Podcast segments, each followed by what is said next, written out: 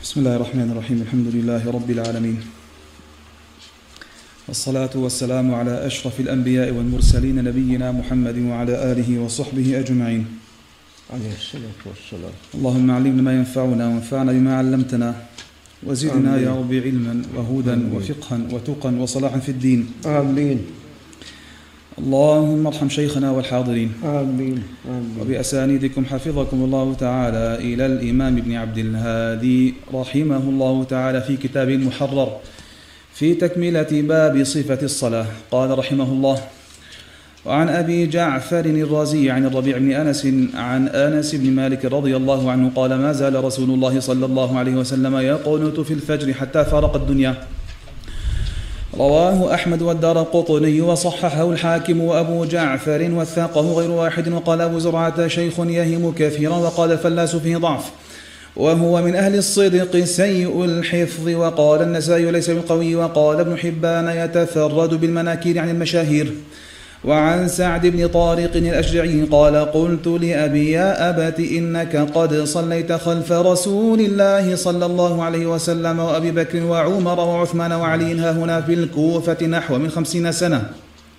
نحو من خمس من خمس سنين أفكانوا يقنتون في الفجر. قال أي بني محدث رواه أحمد بن ماجه والنسائي والترمذي وصححه وسعد روى له مسلم وطارق صحابي معروف ولا وجه لقول الخطيب في صحبة طارق النظر. وعن أنس بن مالك رضي الله عنه أن رسول الله صلى الله عليه وسلم قنت شهرا بعد الركوع يدعو على أحياء من أحياء العرب ثم تركه متفق عليه. وعنه أن النبي صلى الله عليه وسلم كان لا يقنت إلا إذا دعا لقوم أو دعا على قوم رواه الخاطب في القنوت بإسناد صحيح. وروى ابن حبان نحوه من حديث أبي هريرة وعن الحسن بن علي قال علمني رسول الله صلى الله عليه وسلم كلام كلمات اقولهن في قنوت الوتر. اللهم اهدني فيمن هديت وعافني فيمن عافيت وتولني فيمن توليت وبارك لي فيما أعطيت وقني شر ما قضيت فإنك تقضي ولا يقضى عليك وإنه لا يذل من واليت تباركت ربنا وتعاليت. رواه أحمد وهذا لفظه وأبو داود وابن ماجه والنسائي والترمذي وحسنه وهو مما ألزم الشيخان تخريجه ورواه البيهقي وزاد فيه بعض فزاد فيه في بعض رواياته بعد واليت ولا يعز من عاديت. وعن ابن عمر أن رسول الله صلى الله عليه وسلم كان إذا قعد في التشهد وضع يده اليسرى على ركبته اليسرى ووضع يده اليمنى على ركبته اليمنى وعقد ثلاثة وخمسين. وأشار بالسبابة وفي رواية وضع كفه اليمنى على فخذ اليمنى وقبض أصابعه كلها وأشار بإصبعه التي تلي الإبهام رواه مسلم. وروى, وروى عن عبد الله بن الزبير قال كان رسول الله صلى الله عليه وسلم إذا قعد في الصلاة جعل قدمه اليسرى بين فخذه وساقه وفرش قدمه اليمنى ووضع يده اليسرى ووضع يده اليسرى على ركبته اليسرى ووضع يده اليمنى على فخذه اليمنى وأشار بإصبعه السبابة ووضع, ووضع إبهامه على إصبعه الوسطى. وعن عبد الله بن مسعود قال كنا إذا صلينا خلف رسول الله صلى الله عليه وسلم قلنا السلام على جبريل وميكائيل السلام على فلان وفلان فالتفت إلينا رسول الله صلى الله عليه وسلم فقال إن الله هو السلام فإذا صلى أحدكم فليقل التحيات لله والصلوات والطيبات السلام عليك أيها النبي ورحمة الله وبركاته. السلام علينا وعلى عباد الله الصالحين فإنكم إذا قلتموها أصابت كل عبد صالح في السماء والأرض. أشهد أن لا إله إلا الله وأشهد أن محمدا عبده ورسوله. ثم ليتخير من الدعاء أعجبه إليه فيدعو متفق عليه ولفظ البخاري. وله أيضا قال إن قال كنا إذا كنا مع النبي صلى الله عليه وسلم في الصلاة قلنا السلام على الله من عباده السلام على فلان وفلان. فقال النبي صلى الله عليه وسلم لا تقولوا السلام على الله فإن الله هو السلام. وعن أبي الزبير عن سعيد بن جبير وعن طاووس عن ابن عباس أنه قال كن كان رسول الله صلى الله عليه وسلم يعلمنا التشهد كما يعلمنا السورة من القرآن فكان يقول التحيات المباركات الصلوات الطيبات لله السلام عليك أيها النبي ورحمة الله وبركاته السلام علينا وعلى عباد الله الصالحين أشهد أن لا إله إلا الله وأشهد أن محمد رسول الله رواه مسلم وعن ابن مسعود رضي الله عنه قال كنا نقول في الصلاة قبل أن يفرض التشهد السلام على الله الحديث. رواه النسائي والدار قطني وصحح إسناده. وقال عمر رضي الله عنه لا تجوز صلاة إلا بتشهد. رواه سعيد وغيره. وعن فضالة بن عبيد قال سمع رسول الله صلى الله عليه وسلم رجلا يدعو في صلاته لم يمجد الله تعالى ولم يصلي على النبي صلى الله عليه وسلم. فقال رسول الله صلى الله عليه وسلم عجل هذا ثم دعاه فقال له أو لغيره إذا صلى أحدكم فليبدأ بتمجيد ربه جل وعز والثناء وف فليبدأ بتمجيد ربه جل وعز والثناء عليه ثم يصلي على النبي صلى الله عليه وسلم ثم يدعو بعد بما شاء رواه أحمد وأبو داود وهذا لفظ والنسائي والترمذي وصححه وابن حبان والحاكم وقال صحيح على شرط مسلم. وفي موضع على شرطهما وفي لفظ بعضهم إذا صلى أحدكم فليبدأ بتحميد الله والثناء عليه ثم ليصلي على النبي صلى الله عليه وسلم. وعن أبي مسعود الأنصاري قال أتانا رسول الله صلى الله عليه وسلم ونحن في مجلس سعد بن عبادة فقال له بشير بن سعد أمرنا الله تعالى أن نصلي عليك يا رسول الله فكيف نصلي عليك؟ قال فسكت رسول الله صلى الله عليه وسلم حتى تمنينا أنه لم يسأله. ثم قال رسول الله صلى الله عليه وسلم قول اللهم صل على محمد وعلى آل محمد كما صليت على آل إبراهيم وبارك على محمد وعلى آل محمد كما باركت على آل إبراهيم. في العالمين إنك حميد مجيد. والسلام كما قد علمتم أو علمتم رواه مسلم. ورواه أحمد والدار قطني والحاكم بنحوه وعندهم فكيف نصلي عليك إذا نحن صلينا عليك في صلاتنا؟ وهذه الزيادة تفرد بها ابن إسحاق. وهو صدوق وقد صرح بالتحديث فزال ما يخاف من تدليسه وقد صححها ابن خزيمة وابن حبان والحاكم والبيهقي وغيرهم. وعن أبي بكر الصديق رضي الله تعالى عنه أن أنه قال لرسول الله صلى الله عليه وسلم علمني دعاء أدعو به في صلاتي قال قل اللهم إني ظلمت نفسي ظلما كثيرا ولا يغفر الذنوب إلا أنت فاغفر لي مغفرة من عندك وارحمني إنك أنت الغفور الرحيم متفق عليه.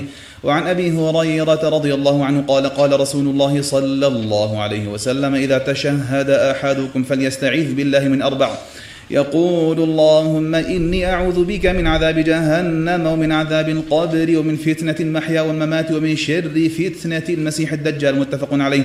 واللفظ لمسلم وفي لفظ له إذا فرغ أحدكم من التشهد الآخر فليتعوذ بالله من أربع.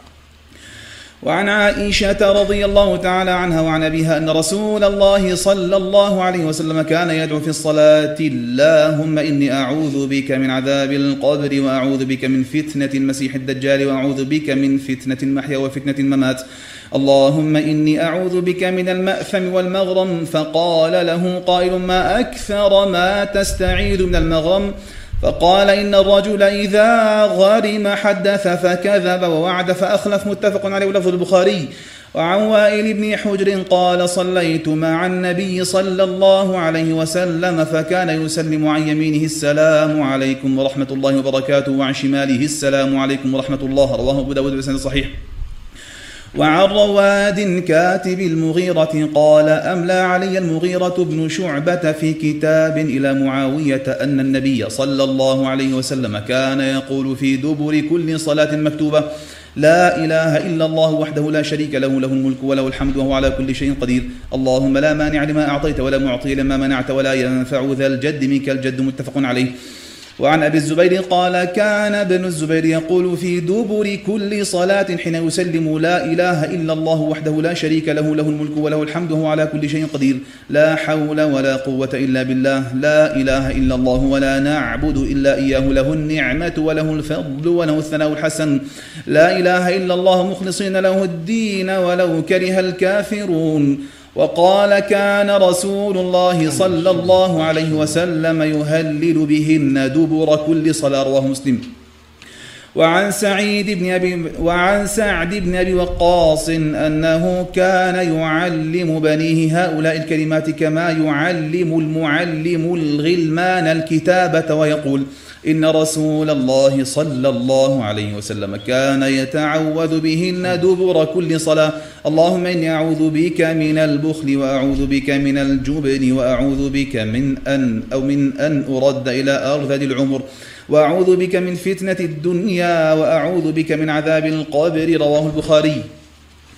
وعن ثوبان قال كان رسول الله صلى الله عليه وسلم إذا انصرف من صلاة استغفر ثلاثا وقال اللهم أنت السلام ومنك السلام تباركت يا ذا الجلال والإكرام. قال الوليد بن مسلم فقلت للأوزاعي كيف الاستغفار؟ قال تقول أستغفر الله أستغفر الله رواه مسلم.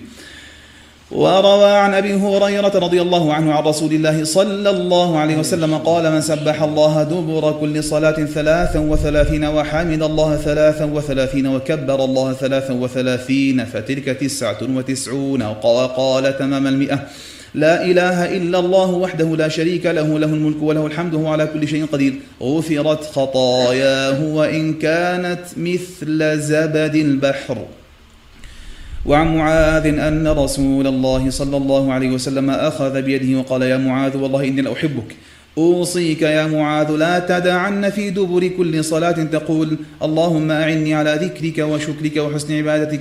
رواه أحمد وأبو داود وهذا لفظه والنسائي. وعن أبي أمامة قال قال رسول الله صلى الله عليه وسلم من قرأ آية الكرسي وقل هو الله أحد دبر كل صلاة مكتوبة لم يمنعه من دخول الجنة إلا الموت. رواه النسائي والروياني وابن حبان والدار قطني في الأفراد والطبراني وهذا لفظه. ولم يصب من ذكره في الموضوعات فإنه حديث صحيح. قال باب قال باب أمور مستحبة وأمور مكروهة في الصلاة سوى ما تقدم. قال عن عقبة بن عامر قال كانت علينا رعاية الإبل فجاءت نوبتي فروحتها بعشي فأدركت النبي صلى الله عليه وسلم قائما يحدث الناس. فأدركت من قوله ما من مسلم يتوضأ فيحسن وضوءه ثم يقوم فيصلي ركعتين مقبلا عليهما بقلبه ووجهه إلا وجبت له الجنة. رواه مسلم وقصر من عزاه إلى أبي داود وحده. وعن أبي جهيم قال قال رسول الله صلى الله عليه وسلم لو يعلم المار بين يدي المصلي ماذا عليه لكان أن يقف أربعين خيرا له من أن يمر بين يديه. قال أبو النضر لا أدري قال أربعين يوما أو شهرا أو سنة متفق عليه. وفي بعض روايات البخاري ماذا عليه من الإثم؟ وعن ابن عمر رضي الله عنهما أن رسول الله صلى الله عليه وسلم كان إذا خرج يوم العيد أمر بالحربة فتوضع بين يديه فيصلي إليها والناس وراءه. وكان يفعل ذلك في السفر فمن ثم اتخذها الأمراء متفق عليه. وعن عائشة رضي الله عنها وعن أبيها أنها قالت سئل رسول الله صلى الله عليه وسلم في غزوة تبوك عن سترة المصلي فقال مثل مؤخرة الرحل. رواه مسلم. وعن أبي هريرة رضي الله عنه أن رسول الله صلى الله عليه وسلم قال إذا صلى أحدكم فليجعل تلقاء وجهه شيئا فإن لم يجد فلينصب عصا فإن لم يكن معه عصا فليخط خطا ثم لا يضره ما مر أمامه. رواه أحمد وأبو داود وابن ماجه وابن حبان وهو حديث مضطرب الإسناد وكذلك ضعفه الشافعي وغيره وصححه ابن المديني وغيره وقال ابن عيينة لم نجد شيئا نشد به هذا الحديث وقال البيهقي لا بأس بهذا الحديث في هذا الحكم وعن سهل بن أبي حثمة يبلغ به النبي صلى الله عليه وسلم قال إذا صلى أحدكم إلى سترة فليدن منها. لا يقطع لا يقطع الشيطان عليه صلاته. رواه أحمد وأبو داود والنسائي وابن حبان. وهو حديث مختلف في إسناد وروي مرسلا. وعن أبي هريرة رضي الله عنه قال نهي أن يصلى أن يصلي الرجل مختصرا. رواه البخاري هكذا وروى مسلم نهى رسول الله صلى الله عليه وسلم. وعن آنس بن مالك رضي الله عنه أن رسول الله صلى الله عليه وسلم قال إذا قدم العشاء فابدأوا به قبل أن تصلوا صلاة المغرب ولا تعجلوا عن عشائكم. متفق عليه. وعنه قال قال رسول الله صلى الله عليه وسلم إذا كان أحدكم في الصلاة فإنه يناجي ربه عز وجل فلا يبزقن بين يديه ولا عن يمينه ولكن عن شماله تحت قدمه. متفق عليه أيضا. وفي لفظ للبخاري عن يساره أو تحت قدمه. وعن معيقيب وهو ابن أبي فاطمة الدوسي الدوسي قال ذكر النبي صلى الله عليه وسلم مصحف المسجد يعني الحصى قال إن كنت لابد فاعلا فواحدة متفق عليه. وعن أبي ذر رضي الله عنه قال قال رسول الله صلى الله عليه وسلم إذا قال أحدكم في الصلاة فإذا قام أحدكم في الصلاة فلا يمسح الحصى فإن الرحمة تواجهه. رواه أحمد وأبو داود والترمذي وابن ماجه والنسائي. وفي لفظ لأحمد سألت النبي صلى الله عليه وسلم عن كل شيء حتى سألته عن مس حصى فقال واحدة أو دع.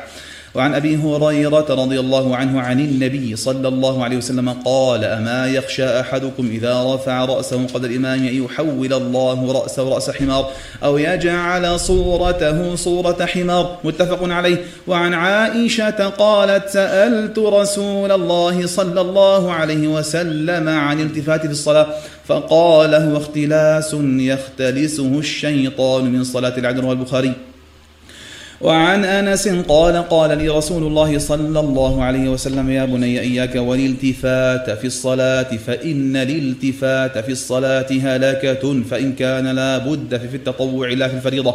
رواه الترمذي وصححه. وعن سهل بن الحنظلية قال ثوب بالصلاة يعني صلاة صلاة الصبح فجعل رسول الله صلى الله عليه وسلم يصلي ويلتفت إلى الشعب. رواه أبو داود والحاكم وصححه. وعن أنس رضي الله عنه قال كان قرام لعائشة سترت به جانب بيتها فقال النبي صلى الله عليه وسلم أميطي عنا قرامك هذا فإنه لا تزال تصاويره تعرض في صلاة رواه البخاري. وعن عائشة رضي الله عنها قالت سمعت رسول الله صلى الله عليه وسلم يقول لا صلاة بحضرة طعام ولا هو يدافع الأخبثان رواه مسلم. وروى عن جابر بن سامورة قال أبصر رسول الله صلى الله عليه وسلم قوما رافعي أبصارهم إلى السماء وهم في الصلاة فقال لا ينتهين أقوام يرفعون أبصارهم إلى السماء في الصلاة أو لا ترجع إليهم؟ وعن أبي هريرة رضي الله عنه. أن النبي صلى الله عليه وسلم قال التثاؤب في الصلاة من الشيطان فإذا تثاءب أحدكم فليكظم ما استطاع. رواه الترمذي وصححه ورواه مسلم ولم يقل في الصلاة. قال باب سجود السهو. قال عن محمد بن سيرين عن أبي هريرة قال صلى النبي صلى الله عليه وسلم إحدى صلاتي العشي. قال محمد وأكثر ظني أنها العصر. ركعتين ثم سلم ثم قام إلى خشبة في مقدم المسجد فوضع يده عليها وفي أبو بكر وعمر فهابا يكلمه. وخرج سرعان الناس فقالوا أقصرت الصلاة ورجل يدعوه النبي صلى الله عليه وسلم ذي اليدين؟ فقال أنسيت أم قصرت؟ فقال لم أنس ولم تقصر. قال بلى قد نسيت. فصلى ركعتين ثم سلم ثم كبر فسجد مثل سجوده أو أطول ثم رفع رأسه فكبر ثم وضع رأسه فكبر فسجد مثل سجوده أو أطول. ثم رفع رأسه وكبر. متفق عليه. وهذا لفظ البخاري وفي لفظ له في آخره فربما سألوه ثم سلم فيقول نبئت أن عمران بن حصين قال ثم سلم. وفي بعض روايات مسلم صلاة العصر بغير شك. ورواه أبو داود وفيه فأقبل رسول الله صلى الله عليه وسلم على القوم فقال أصدق ذو اليدين فأومأ. أي نعم. قال أبو داود لم ولم يذكر وقال أبو داود لم يذكر فأومأ إلا حماد بن زيد. وفي رواية لأبي داود كبر ثم كب كبر ثم كبر وسجد. وانفرد بها حماد بن زيد أيضا. وفي لفظ له قال ولم يسجد سجدتي السهو حتى يقنه الله ذلك. وعن عمران بن حسين رضي الله عنه أن رسول الله صلى الله عليه وسلم صلى العصر فسلم في ثلاث ركعات ثم دخل منزله فقام. رجل يقال له الخرباق وكان في يديه طول فقال يا رسول الله فذكر له صنيعه وخرج غضبان يجر رداءه حتى انتهى إلى الناس فقال أصدق هذا؟ قالوا نعم. فصلى ركعة ثم سلم ثم سجد سجدتين ثم سلم رواه مسلم. وعن أشعث بن عبد الملك عن ابن سيرين عن خالد الحذاء عن أبي قلابة عن أبي المهلب عن عمران بن حسين أن النبي صلى الله عليه وسلم صلى بهم فسهى فسجد سجدتين ثم تشهد ثم سلم. رواه أبو داود والترمذي وحسنه والحاكم وقال على شرطهما وقال البهقي تفرد بهذا الحديث أشعث الحمراني ثم تكلم عليه وخطأه. وعن أبي سعيد الخدري قال قال رسول الله صلى الله عليه وسلم إذا شك أحدكم في صلاته فلم يدر كم صلى ثلاثا ام أربعة فليطرح الشك وليبني على ما استيقن ثم يسجد سجدتين قبل أن يسلم. فإن كان صلى خمسا شفعنا له صلاته وإن كان صلى إتماما لأربع كانتا ترغيما للشيطان رواه مسلم. وعن ابن عباس رضي الله عنهما أن النبي صلى الله عليه وسلم سمى سجدتي السهو المرغمتين رواه أبو داود وابن خزيمة وابن حبان والحاكم وصححه وفي إسناد ضعف. وعن إبراهيم عن علقامة عن عبد الله بن مسعود قال صلى رسول الله صلى الله عليه وسلم. قال إبراهيم زاد أو نقص فلما سلم قيل له يا رسول الله أحدث في الصلاة شيء؟ قال وما ذاك؟ قالوا صليت كذا وكذا. قال فثنى رجليه واستقبل القبلة فسجد سجدتين ثم سلم. ثم أقبل علينا بوجهه فقال إنه لو حدث في الصلاة شيء لأنبئ لأنبأتكم به ولكن إنما أنا بشر أنسى كما تنسون. فإذا نسيت فذكروني وإذا شك أحدكم في صلاته فليتحرى الصواب فليتم عليه ثم ليسجد سجدتين متفق عليه. وفي لفظ البخاري فليتم فليتم عليه ثم يسلم ثم يسجد السجدتين وفي لفظ لمسلم فإذا زاد الرجل أو نقص فليسجد سجدتين. وله عن عبد الله أن النبي صلى الله عليه وسلم سجد سجدتي السهو بعد السلام والكلام. وعن عبد الله بن بحينة أن النبي صلى الله عليه وسلم قام في صلاة الظهر وعلي وعليه جلوس فلما أتم الصلاة سجد سجدتين يكبر في كل سجدة. يكبر في كل ساجدة وهو جالس قبل أن يسلم وسجدهما الناس معه مكان ما نسي من الجلوس متفق عليه. وعن ابن مسعود رضي الله عنه أن رسول الله صلى الله عليه وسلم صلى الظهر خمسا فقيل له أزيد في الصلاة؟ فقال وما ذاك؟ قالوا صليت خمسا فسجد سجدتين بعدما سلم متفق عليه ولم يقل مسلم بعدما سلم. وعن عبد الله وعن عبد الله بن جعفر رضي الله عنه أن النبي صلى الله عليه وسلم قال من شك في صلاته فليسجد سجدتين بعدما يسلم. رواه أحمد وأبو داود والنسائي وابن خزيمة في صحيحه من رواية مصعب بن شيبة وهو متكلم فيه. وقد روى له مسلم وقال البيهقي إسناد هذا الحديث لا بأس به. قال باب صلاة قال باب صلاة التطوع. قال عن جابر بن عبد الله رضي الله عنهما قال سئل رسول الله صلى الله عليه وسلم أي الصلاة أفضل؟ قال طول القنوت رواه مسلم. وفي رواية لأحمد وأبي داود من رواية عبد الله بن حبشي الخثعمي قال طول القيام. وعن ربيعة بن كعب الأسلمي رضي الله عنه قال كنت أبيت مع النبي صلى الله عليه وسلم فأتيته بوضوه وحاجته فقال لي سل فقلت أسألك مرافقتك في الجنة. فقال أو غير ذلك؟ قلت هو ذاك قال فأعني على نفسك بكثرة السجود رواه مسلم. وعن ابن عمر قال حفظت من النبي صلى الله عليه وسلم عشر ركعات ركعتين قبل الظهر وركعتين بعدهما وركعتين بعد المغرب في بيته وركعتين بعد العشاء في بيته وركعتين قبل صلاة الصبح. وكانت ساعة لا يدخل على النبي صلى الله عليه وسلم فيها. حدثتني حفصة أنه كان إذا أذن المؤذن وطلع الفجر صلى ركعتين متفق عليه وهذا البخاري. وفي لفظ لمسلم قالت كان النبي صلى الله عليه وسلم إذا طلع الفجر لا يصلي إلا ركعتين خفيفتين وفي رواية لهما وركعتين بعد الجمعة في بيته. وعن عائشة رضي الله تعالى عنها وعن أبيها أن النبي صلى الله عليه وسلم كان لا يدع أربعا قبل الظهر وركعتين قبل الغداة رواه البخاري. وعنها قالت لم يكن النبي صلى الله عليه وسلم على شيء من النوافل أشد منه تعاهدا على ركعتي الفجر.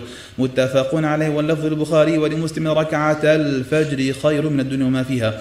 وعن أم حبيبة رضي الله عنها قالت سمعت رسول الله صلى الله عليه وسلم يقول من صلى اثنتي عشرة ركعة في يوم وليلة بني له بهن بيت في الجنة. وفي رواية تطوعا ورواه رواه مسلم.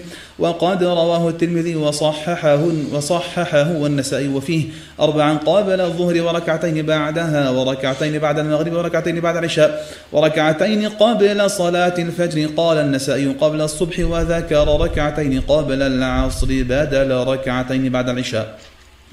وعن أم حبيبة رضي الله عنها قالت قال رسول الله صلى الله عليه وسلم من حافظ على أربع ركعات قبل الظهر وأربع بعدها حرمه الله على النار. رواه أحمد وأبو داود بن ماجه والنسائي والترمذي وقال حديث حسن صحيح غريب.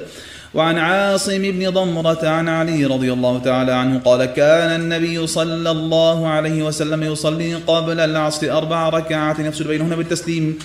يفصل بينهن بالتسليم على الملائكة المقربين ومن تبعهم من المسلمين والمؤمنين. رواه أحمد والترمذي وحسنه وعاصم وثقه أحمد وابن المديني وابن خزيمة وغيرهم. وتكلم فيه غير واحد من الأئمة. وعن ابن عمر رضي الله عنهما قال قال رسول الله صلى الله عليه وسلم رحم الله امرأ صلى أربعا قبل العصر. رواه أحمد وأبو داود بن خزيمة في صحيحه والترمذي وقال حسن غريب ووهى أبو زرعة رواته. وعن آنس بن مالك رضي الله تعالى عنه قال كنا نصلي على عهد رسول الله صلى الله عليه وسلم ركعتين بعد غروب الشمس قبل صلاة المغرب. فقلت له أكان رسول الله صلى الله عليه وسلم صلاهما؟ قال كان يرانا نصليهما فلم يأمرنا ولم ينهنا. رواه مسلم. وعن عبد الله بن مغفل المزني عن النبي صلى الله عليه وسلم قال صلوا قبل صلاة المغرب. قال في الثالثة لمن شاء كراهية يتخذها الناس سنة.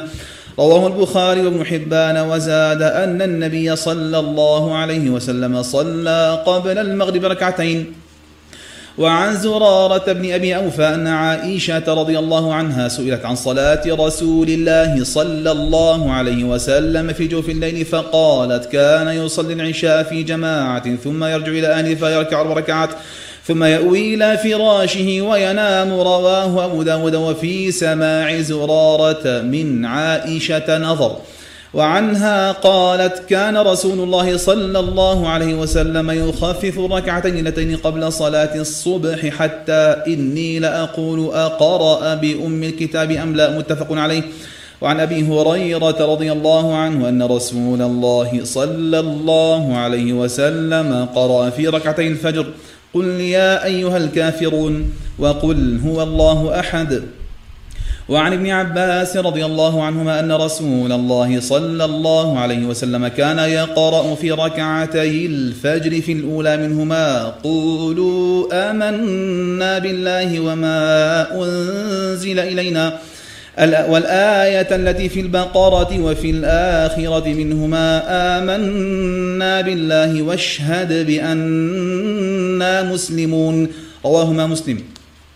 وعن عائشة رضي الله عنها قالت كان النبي صلى الله عليه وسلم إذا صلى ركعتي الفجر اضطجع على شقه الأيمن. رواه البخاري. وعن أبي هريرة رضي الله عنه قال قال رسول الله صلى الله عليه وسلم إذا صلى أحدكم الركعتين قبل صلاة الصبح فليضطجع على جنبه الأيمن. رواه أحمد وأبو داود والترمذي وقال حديث حسن صحيح غريب وقد تكلم أحمد والبيهقي وغيرهما في هذا الحديث. وصححوا فعله للاضطجاع على أمره به. وعن ابن عمر رضي الله عنهما أن رجلا سأل النبي صلى الله عليه وسلم عن صلاة الليل فقال رسول الله صلى الله عليه وسلم صلاة الليل مثنى مثنى فإذا خشي أحدكم الصبح صلى ركعة واحدة توتر له ما قد صلى. متفق عليه. وعنه رضي الله عنه عن النبي صلى الله عليه وسلم قال صلاة الليل والنهار مثنى مثنى رواه أحمد وأبو داود والترمذي وابن ماجه والنسائي وابن حبان وصححه البخاري وقال أحمد في رواية الميموني وغيره عنه إسناده جيد. وقال النسائي وهذا الحديث عندي خطأ. وقال الترمذي اختلف أصحاب شعبة في حديث ابن عمر فرفعه بعضهم وقفه بعضهم وقال الدار قطني الصحيح ذكر صلاة الليل دون ذكر النهار. وعن أبي هريرة رضي الله عنه قال قال رسول الله صلى الله عليه وسلم أفضل الصيام بعد رمضان شهر الله المحرم وأفضل الصلاة بعد الفريضة صلاة الليل. رواه مسلم رواه النسائي من رواية شعبة مرسلا. وعن زيد بن خالد الجهني رضي الله تعالى عنه أنه قال لأرمقن صلاة رسول الله صلى الله عليه وسلم الليلة. فصلى ركعتين خفيفتين ثم صلى ركعتين طويلتين طويلتين طويلتين ثم صلى ركعتين وهما دون اللتين قبلهما ثم صلى ركعتين وهما دون اللتين قبلهما ثم صلى ركعتين وهما دون اللتين قبلهما ثم صلى ركعتين وهما دون اللتين قبلهما. ثم صلى ركعتين وهما دون اللتين قبلهما ثم أوتر فذلك ثلاث عشرة ركعة رواه مسلم. وعن ابن عباس رضي الله عنهما قال كان رسول الله صلى الله عليه وسلم إذا قام من الليل يتهجد قال اللهم لك الحمد أنت قيم السماوات والأرض ومن فيهن ولك الحمد لك ولك الحمد لك ملك السماوات والسماوات والأرض ومن فيهن ولك الحمد أنت نور السماوات والأرض ومن فيهن. ولك الحمد أنت ملك السماوات والأرض ومن فيهن ولك الحمد أنت الحق ووعدك الحق ولقاؤك حق وقولك حق والجنة حق والنار حق والنبيون حق ومحمد حق والساعة حق. اللهم لك أسلمت وبك آمنت وعليك توكلت وإليك أنبت وبك خاصمت وإليك حاكمت فاغفر لي ما قدمت وما أخرت وما أسررت وما أعلنت أنت المقدم وأنت المؤخر. لا إله إلا أنت أو لا إله غيرك. قال سفيان وزاد عبد الكريم أبو أمية ولا حول ولا قوة إلا بالله. متفق عليه. ولفظ ولفظه للبخاري وفي لفظ لهما أنت رب السماوات والأرض بدل لك ملك السماوات والأرض وفي آخره أنت إلهي لا إله إلا أنت وفي لفظ لمسلم أنت قيام السماوات والأرض وللنساء في آخره ولا حول ولا قوة إلا بالله وعند ابن ماجه ولا حول ولا قوة إلا بك وعن أم سلمه رضي الله عنها أن النبي صلى الله عليه وسلم استيقظ ليلة فقال سبحان الله ماذا أنزل الليلة من الفتنة؟ ماذا أنزل من الخزائن؟ من يوقظ صواحب الحجرات يا رب كاسية في الدنيا عارية في الآخرة رواه البخاري. وعن عبد الله بن عبد العاص رضي الله عنهما قال قال لي رسول الله صلى الله عليه وسلم يا عبد الله لا تكن مثل فلان. كان يقوم من الليل فترك قيام الليل متفق عليه. وعن عاصم بن ضمرة عن علي بن أبي طالب رضي الله تعالى عنه قال قال رسول الله صلى الله عليه وسلم يا أهل القرآن أوتروا.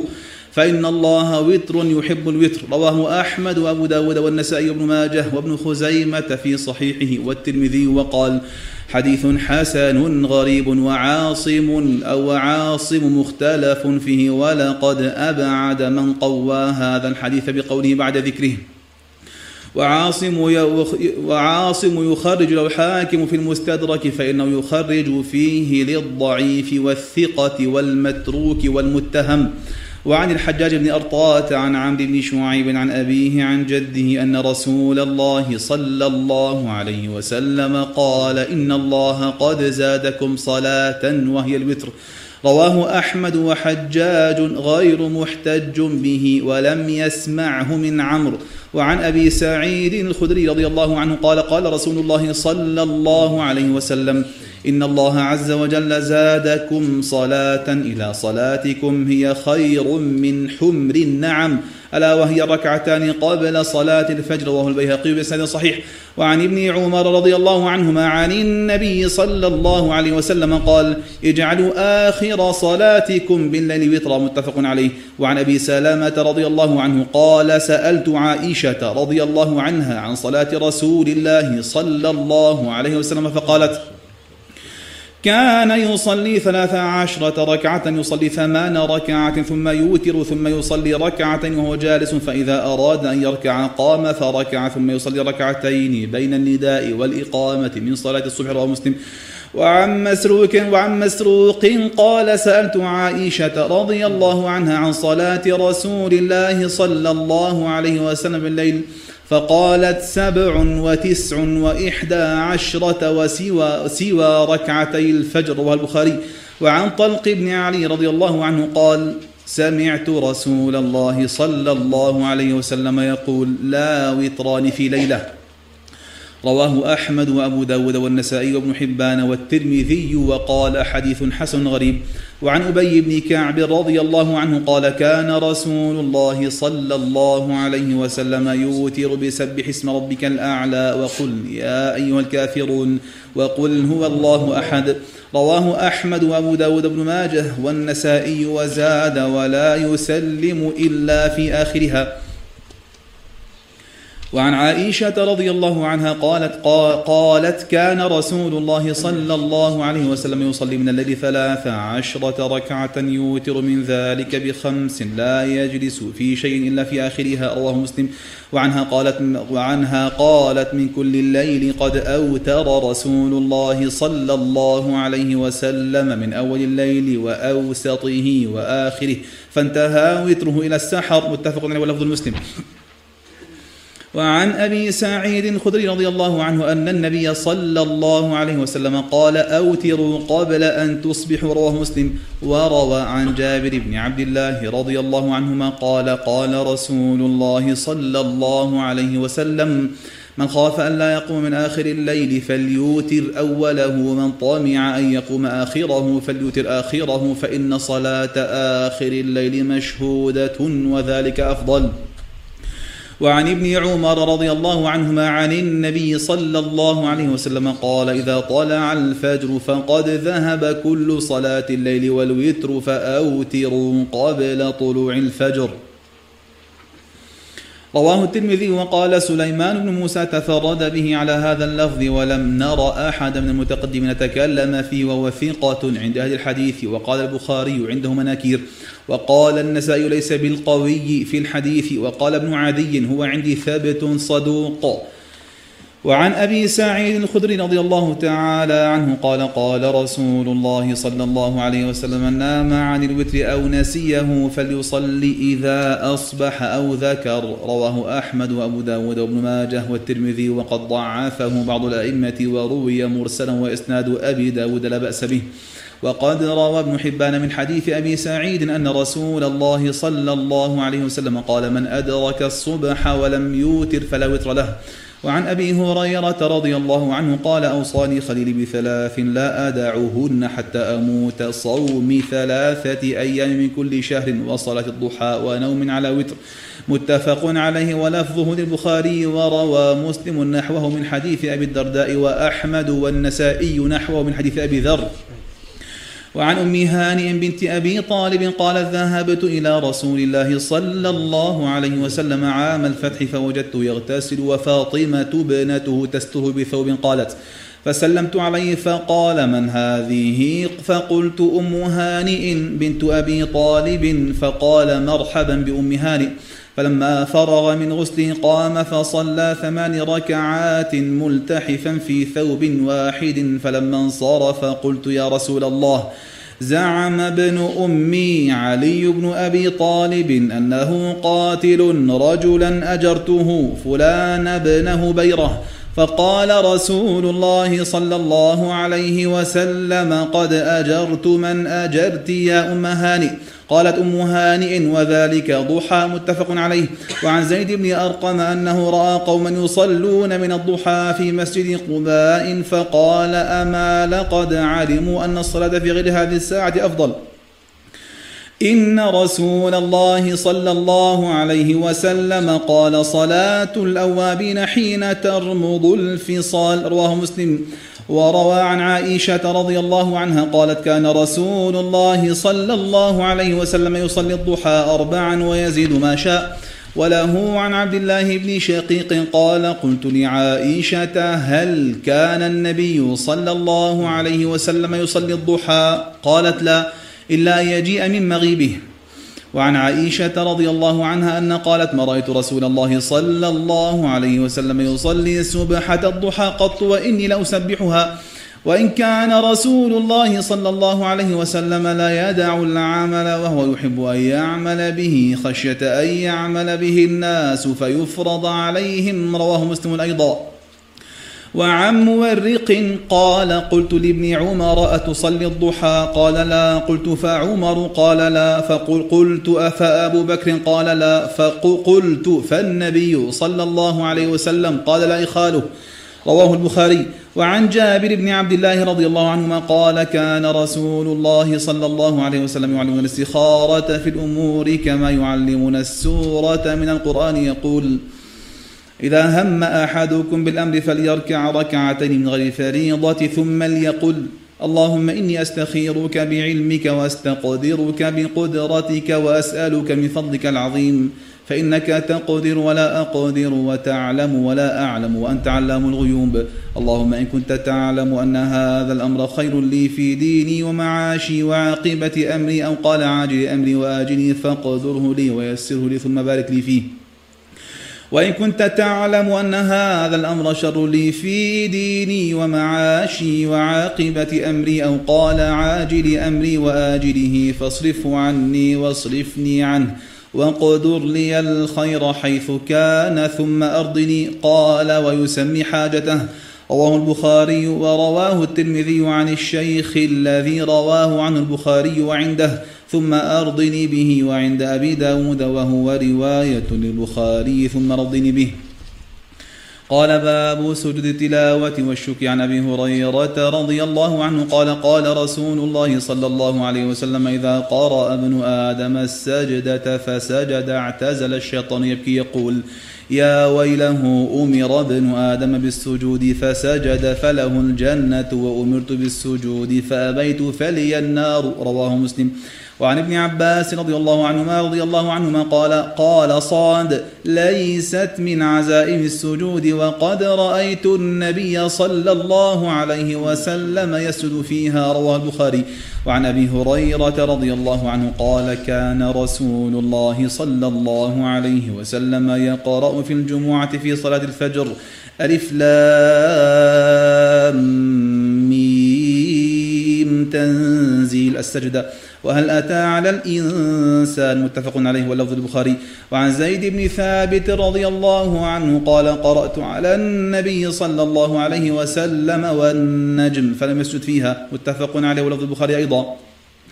وعن ابن عباس رضي الله عنهما أن النبي صلى الله عليه وسلم سجد بالنجم وسجد معه المسلمون والمشركون والجن والإنس رواه البخاري وقال كان ابن عمر يسجد على غير وضوء.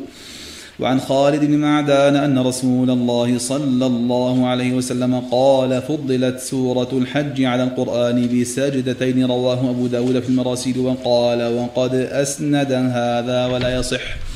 وعن عطاء بن ميناء وعن عطاء بن ميناء عن أبي هريرة رضي الله عنه قال سجدنا مع النبي صلى الله عليه وسلم في إذا السماء انشقت وقرأ باسم ربك رواه مسلم. وعن علي رضي الله تعالى عنه قال أنا أتعجب من حدثني لا يسجد في المفصل. رواه الحاكم بإسناد صحيح. وعن البراء رضي الله عنه قال بعث النبي صلى الله عليه وسلم خالد بن الوليد إلى أهل اليمن يدعوهم إلى الإسلام فلم يجيبوا ثم إن النبي صلى الله عليه وسلم بعث علي بن أبي طالب وأمره أن يقفل خالدا ومن كان معه إلا رجل ممن كان مع خالد أحب أن يعقب أو يعقب مع علي فليعقب معه. قال فكنت ممن عقب معه فلما دنونا من القوم خرجوا إلينا فصلى بنا علي. وصفنا صفا واحدا ثم تقدم بين أيدينا فقرأ عليهم كتاب رسول الله صلى الله عليه وسلم. فأسلمت همدان جميعا فكتب علي إلى رسول الله صلى الله عليه وسلم بإسلامهم. فلما قرأ رسول الله صلى الله عليه وسلم الكتاب خر ساجدا ثم رفع رأسه فقال السلام على همدان السلام على همدان. رواه, البخ... رواه البيهقي وقال أخرج البخاري صدر هذا الحديث ولم يسقه بتمامه وسجود الشكر في تمام الحديث على شرطه. وعن أبي عون الثقفي عن رجل لم يسمه أن أبا بكر رضي الله عنه لما أتاه فتح اليمامة سجد. رواه ابن أبي شيبة في كتاب الفتوح.